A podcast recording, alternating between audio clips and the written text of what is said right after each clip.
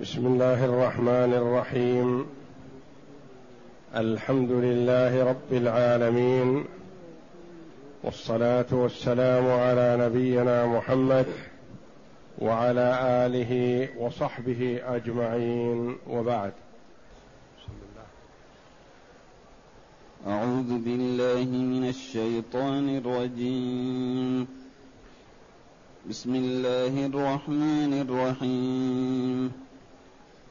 اقتربت الساعة وانشق القمر وإن يروا آية يعرضوا ويقولوا سحر مستمر وكذبوا واتبعوا أهواءهم وكل أمر مستقر ولقد جاءهم من الأنباء ما فيه مزدجر حكمة بالغة فما تغني النذر. هذه السورة العظيمة هي سورة القمر. ويقال لها كذلك سورة اقتربت هذه أسماؤها. وتقدم أن النبي صلى الله عليه وسلم كان كثيرا ما يقرأها مع سورة قاف في العيدين الإضحى والفطر وفي المجامع مجامع الناس. وذلك لما اشتملت عليه. من توحيد الله جل وعلا ونبذ عبادة الأصنام وتقرير نبوة محمد صلى الله عليه وسلم وذكر المعاد والجنة والنار والحساب. كل هذا كان النبي صلى الله عليه وسلم كثيرا ما يقرأها في المناسبات التي يجتمع فيها العدد الكثير من الناس. وهذه السورة من السور المكية.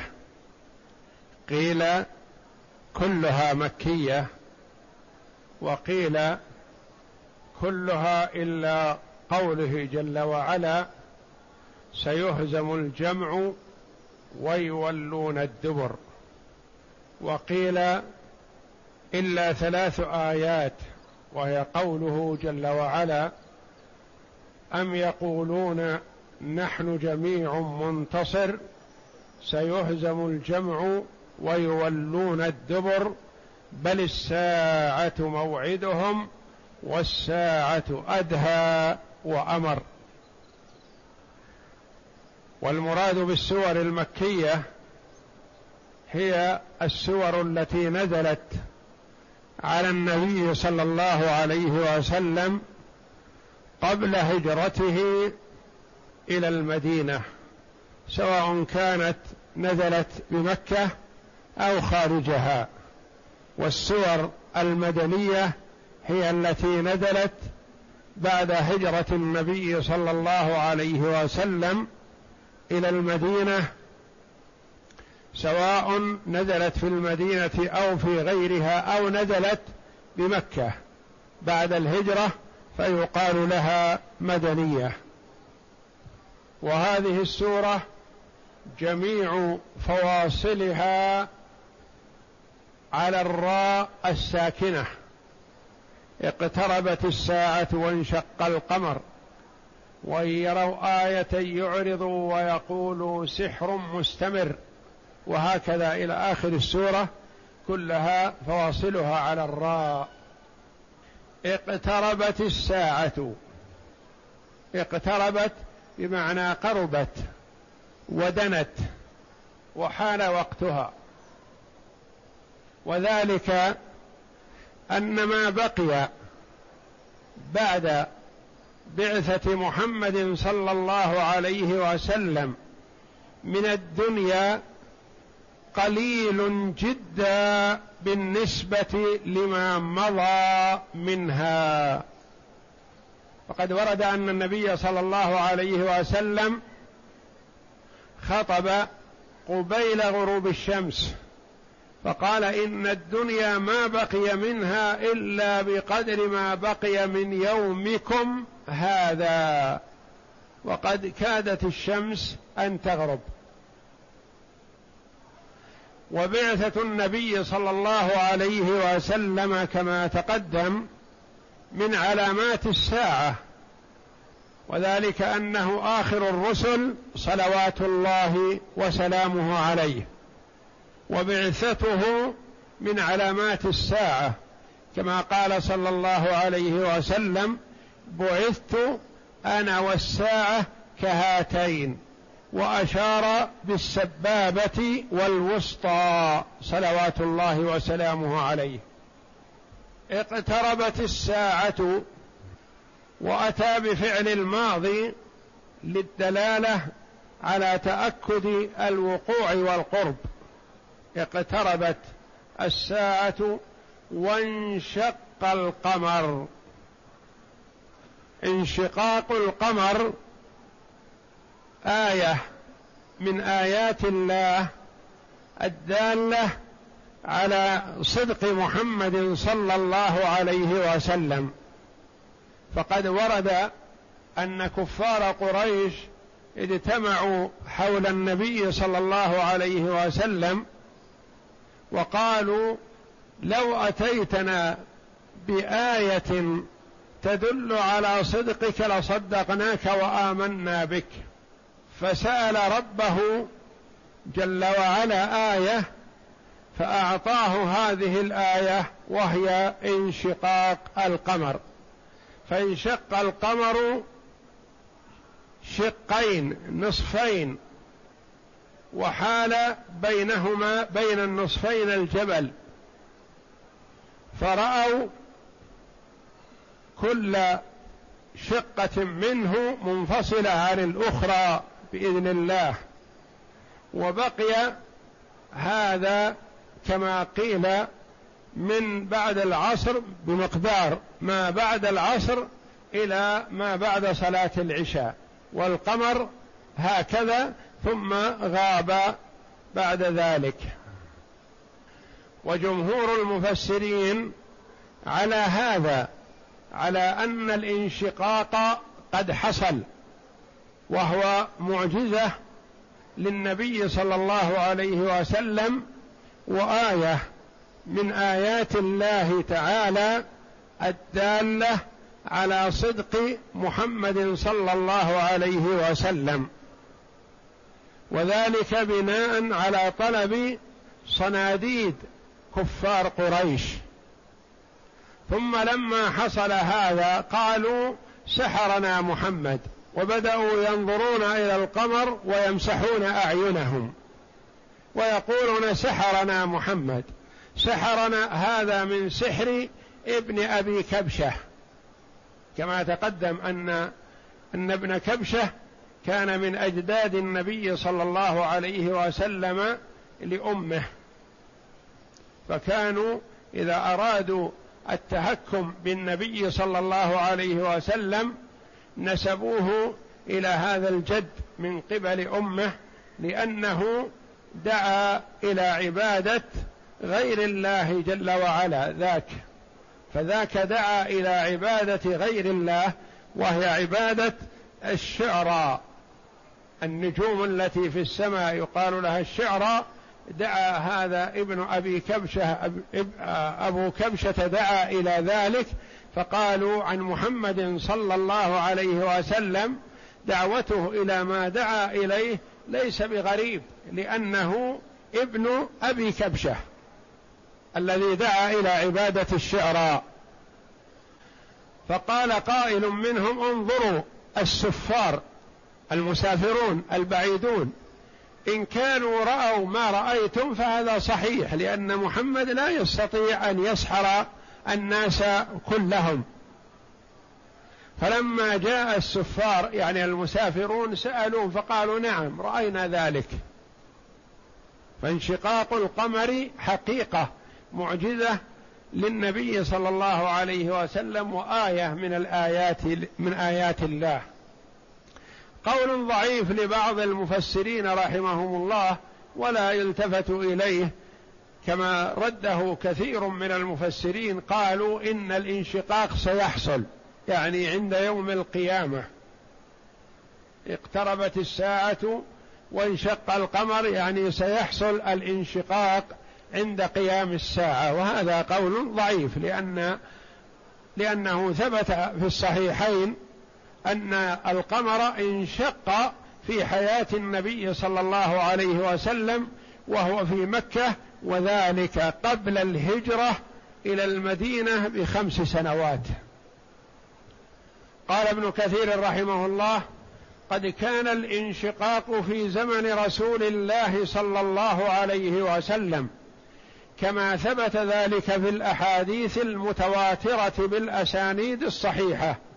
قال وهذا أمر متفق عليه بين العلماء أن انشقاق القمر قد وقع في زمن النبي صلى الله عليه وسلم وأنه كان إحدى المعجزات الباهرات.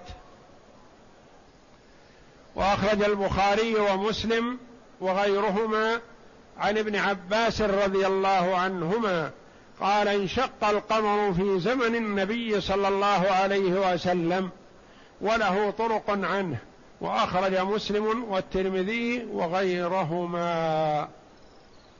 وعن ابن عمر رضي الله عنهما في الآية قال كان ذلك على عهد رسول الله صلى الله عليه وسلم.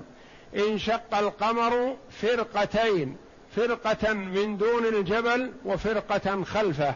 فقال النبي صلى الله عليه وسلم اللهم اشهد وعن جبير بن مطعم قال انشق القمر ونحن بمكة على عهد رسول الله صلى الله عليه وسلم حتى صار فرقة على هذا الجبل وفرقة على هذا الجبل. فقال الناس سحرنا محمد. فقال رجل إن كان سحركم فإنه لا يستطيع أن يسحر الناس كلهم. أخرجه أحمد والترمذي والحاكم وصححه عبد بن حميد وغيرهم. وعن عبد الرحمن السلمي قال خطبنا حذيفة بن اليمان بالمدائن فحمد الله وأثنى عليه ثم قال اقتربت الساعة وانشق القمر ألا وإن الساعة قد اقتربت؟ ألا وإن القمر قد انشق على عهد رسول الله صلى الله عليه وسلم ألا وإن الدنيا قد آذنت بفراق اليوم المضمار وغدا السباق. أخرجه ابن أبي شيبة وعبد بن حميد وعبد الله بن أحمد في زوائد الزهد وابن جرير وابن مرديويه وأبو نعيم. وإن يروا آية يعرضوا ويقولوا سحر مستمر.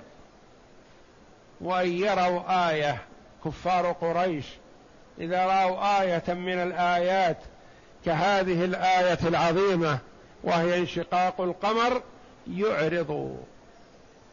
لا خير فيهم ولا فائدة فيهم. وقد عاهدوا النبي صلى الله عليه وسلم بأنهم إن أتاهم بآية كما أتى الأولون الأنبياء السابقون بالآيات فإنهم يؤمنون. فطلب النبي صلى الله عليه وسلم من ربه الآية المعجزة فانشق القمر. أعطوا ما سألوا. لكنهم لعنادهم وكبريائهم وغطرستهم لا يقبلون الحق. وإن يروا آية يعرضوا. وإلا فقد طلبوا هذه الآية فجاءت كما طلبوا فكان الواجب على كل عاقل أن يبادر إلى التصديق. لكنهم أعرضوا وتعاموا وقالوا هذا سحر. وإن يروا آية يعرضوا ويقولوا سحر مستمر. يعرض عن قبول الآيات والإيمان بها ويقول سحر مستمر. مستمر قيل فيها أربعة معاني وكلها صحيحة. سحر مستمر. مستمر أي دائم مضطرد. مستمر يعني دائم هذا سحر محمد. يتابع ما يأتي به من السحر. سحر مستمر. دائم أو مستمر بمعنى قوي. على قول مرة. المرة القوة. ذي مرة فاستوى. ذي قوة. مستمر يعني ذي قوة سحر قوي. يعني هذا سحر يعجز السحرة. أو سحر مستمر يعني قالوا هذا سحر ذاهب وزائل من نوع الأسحار التي تأتي وتذهب. هذا سحر ذاهب لا بقاء له مستمر بمعنى مار. مار ومنتهي. سحر مستمر يعني مر غير مستساغ.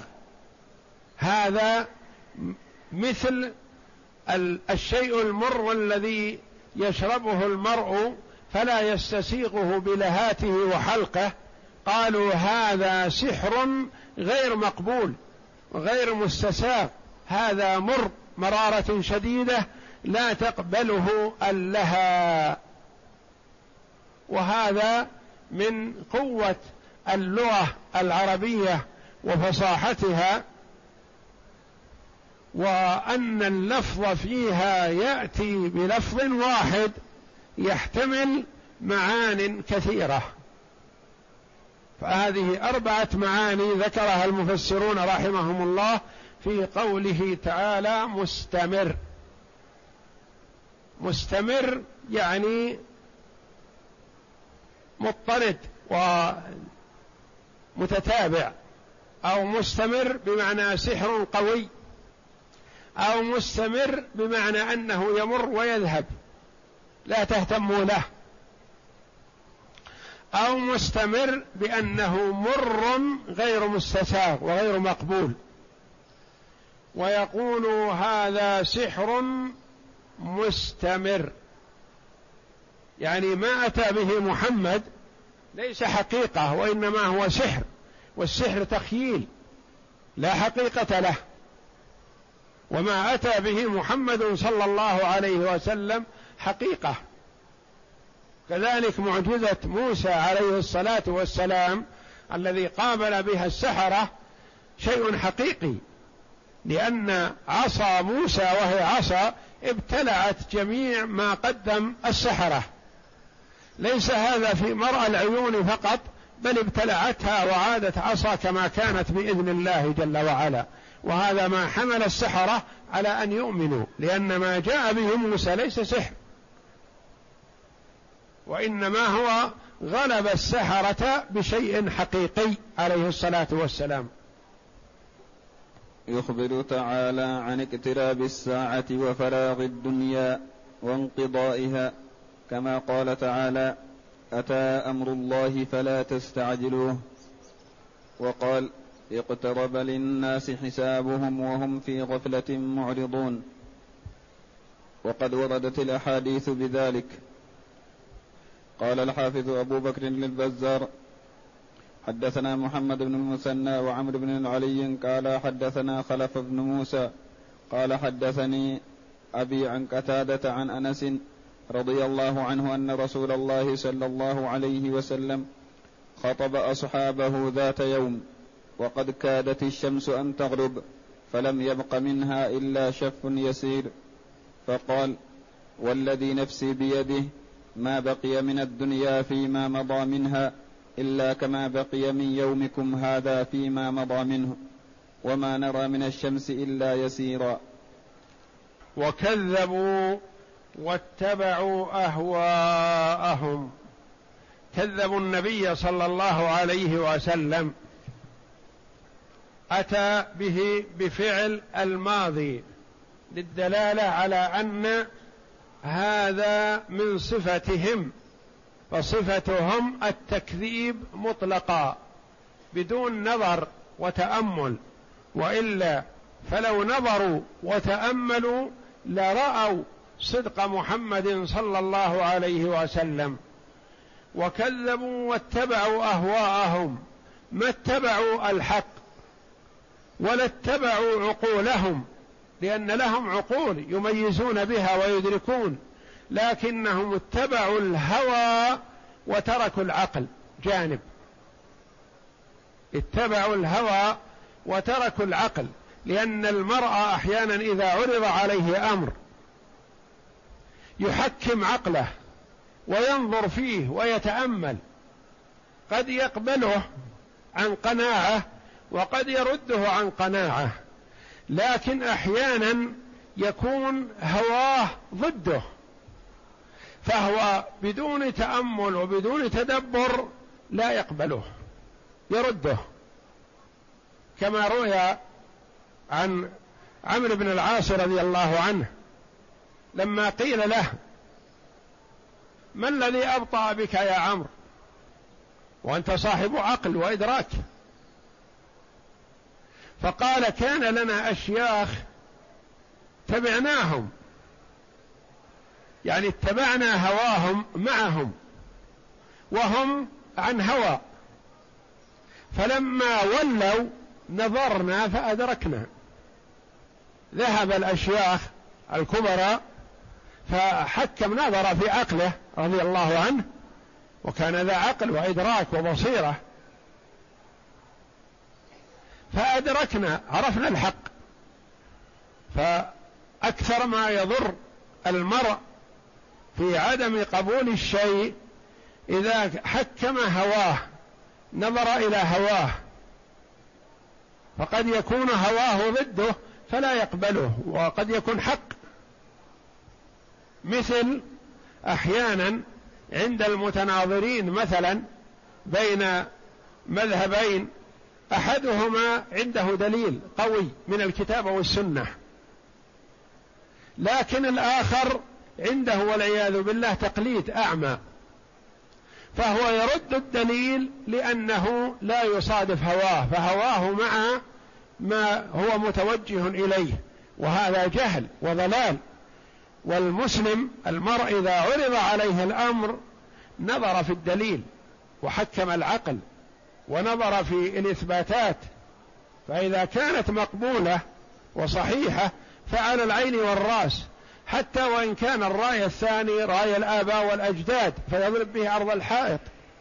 حتى وإن كان رأي الإمام أو الشيخ أو المقتدى به يضرب به أرض الحائط مع ما يقابله من الكتاب والسنة. ثم إنه يعتذر عن الإمام أو العالم أو الشيخ أو غير ذلك بأنه ربما ما بلغه الدليل هذا. وأنا بلغني الدليل يجب علي أن آخذ به. ربما أنه بلغه من طريق غير صحيح مثلا. فثبت أن هذا ثابت عن طريق صحيح فيجب على من بلغه ذلك أن يأخذ به ولو كان على خلاف مذهبه أو مذهب إمامه. وكذبوا واتبعوا أهواءهم والله جل وعلا في آيات كثيرة من كتابه العزيز يذم الهوى واتباع الهوى. وقد ورد الهوى يعمي ويصم. فالمسلم إذا عرض عليه أمر من الأمور أن ينظر في الدليل ينظر في الإثبات. فإن كان حقا قبله وحمد الله على ذلك وإن كان باطلا رده ولا يبالي به. لكن لا يرده دفعة واحدة قبل النظر وقبل التأمل بناء على أن هواه لا يميل إليه هذا هو الجهل والضلال. وكذبوا واتبعوا أهواءهم وكل أمر مستقر. كل أمر مستقر. الاستقرار هذا الثبوت والظهور. يقول الله جل وعلا كل أمر مستقر.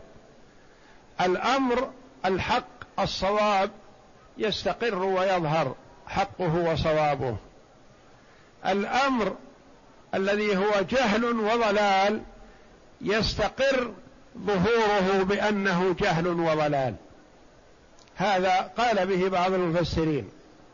قال آخرون هذا فيه بشارة للنبي صلى الله عليه وسلم. بانه مهما كذب كفار قريش فما أتيت به الحق فإنه سيظهر. وفعلا ظهر. كذب به الكفار وردوه ثلاث عشرة سنة ما آمن معه صلى الله عليه وسلم إلا أفراد قلة ويستخفون ثم أظهره الله جل وعلا وظهر. وعرف أنه حق واستقر وتتابع الناس في الدخول فيه كما قال الله جل وعلا إذا جاء نصر الله والفتح ورأيت الناس يدخلون في دين الله أفواجا. بعد فتح مكة كان الناس يدخلون في دين الله أفواجا الجماعات. الأمم تأتي من قريب وبعيد تعلن الإسلام على يد محمد صلى الله عليه وسلم. ومنهم من جاء قبل أن يغزى وقبل أن يقاتل وقبل أن يدعى سمعوا بهذا فجاءوا. فيقول الله جل وعلا كل أمر مستقر يعني سيظهر ويبين الحق سيظهر والباطل سيظهر ويضمحل وكذبوا واتبعوا أهواءهم وكل أمر مستقر. ولقد جاءهم الضمير جاءهم إلى كفار قريش. من الأنباء يعني من الأخبار العظيمة لأن النبأ هو الخبر العظيم الذي يستحق الذكر. ليس كل خبر يقال له نبأ. كما قال الله جل وعلا عما يتساءلون عن النبأ العظيم الذي هم فيه مختلفون. بعثة محمد صلى الله عليه وسلم وصدقه والجنة والنار والبعث والحساب. ولقد جاءهم من الانباء ما فيه مزدجر. ما هو زاجر؟ وما هو واضح بين. يقال ازدجر بمعنى نهاه بغرضه. ازدجره ازدجره بمعنى نهاه بغلظة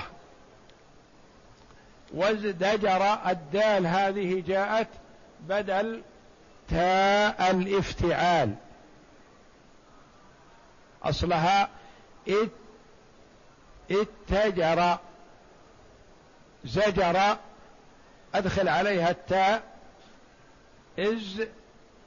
تاجر. افتعل. تاء الافتعال. فأبدلت التاء دالا. وهذا كثير أن الدال أن الدال تأتي بدل التاء في تاء الافتعال بعد الزاي والدال والذال بعد هذه الثلاثة الحروف. إذا ركب من الكلمة افتعال والذال فتحذف التاء التي هي تاء الافتعال ويجعل بدلها دال ازدجر والسبب في هذا كما ذكر ذلك سيبويه قالوا لأن الزاي حرف مجهور والتاء حرف مهموس فأبدلوها إلى حرف مجهور قريب من التاء وهو الدال.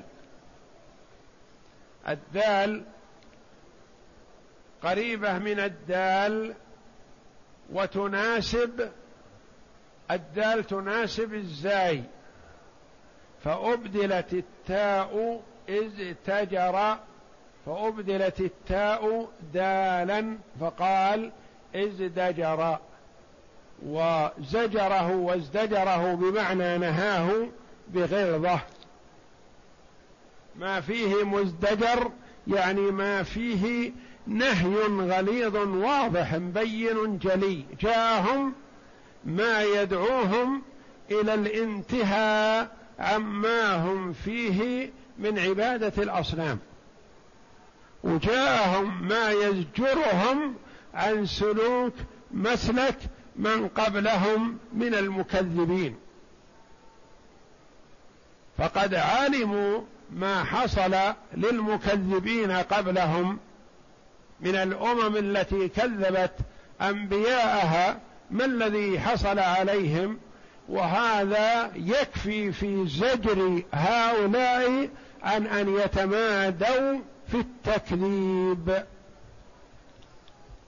ولقد جاءهم من الأنباء ما فيه مزدجر حكمة بالغة. فما تغني النذر. حكمة خبر لمبتدأ محذوف تقديره هو أو هي. ومعنى بالغة أي تامة يعني حكمة. هذا الزجر والانتهاء والإيضاح والبيان شيء واضح جلي فيه إقامة الحجة على من عاند وكفر. حكمة خبر مبتدأ محذوف أو بدل مما في قوله ولقد جاءهم من الأنباء ما ما فيه مزدجر. ما ما هو هذا اللي فيه مزدجر؟ حكمة. أو بدل اشتمال من مزدجر. بالغة حكمة بالغة. تامة أي أن القرآن حكمة قد بلغت الغاية ليس فيها نقص ولا خلل. يعني هذا القرآن فيه البيان والإيضاح الجلي. فما تغني النذر ما استفهامية أي أي شيء أو أي أغناء تغني النذر مع اتباع الهوى والتكذيب. يعني ما تنفعهم النذر ولا يستجيبون لها ولا يتخوفون. حكمة بالغة فما تغني النذر. النذر تغني من حكم عقله ونظر. وتدبر ونظر في الأدلة. أما من أعرض فإن مهما أنذر بالشيء الواضح البين فإنه لا يستفيد ولا يرعوي ولا يستجيب. وفي هذا وعيد لكفار قريش وتسلية للنبي صلى الله عليه وسلم بأنك ما قصرت في البلاغ والبيان والإيضاح ولكن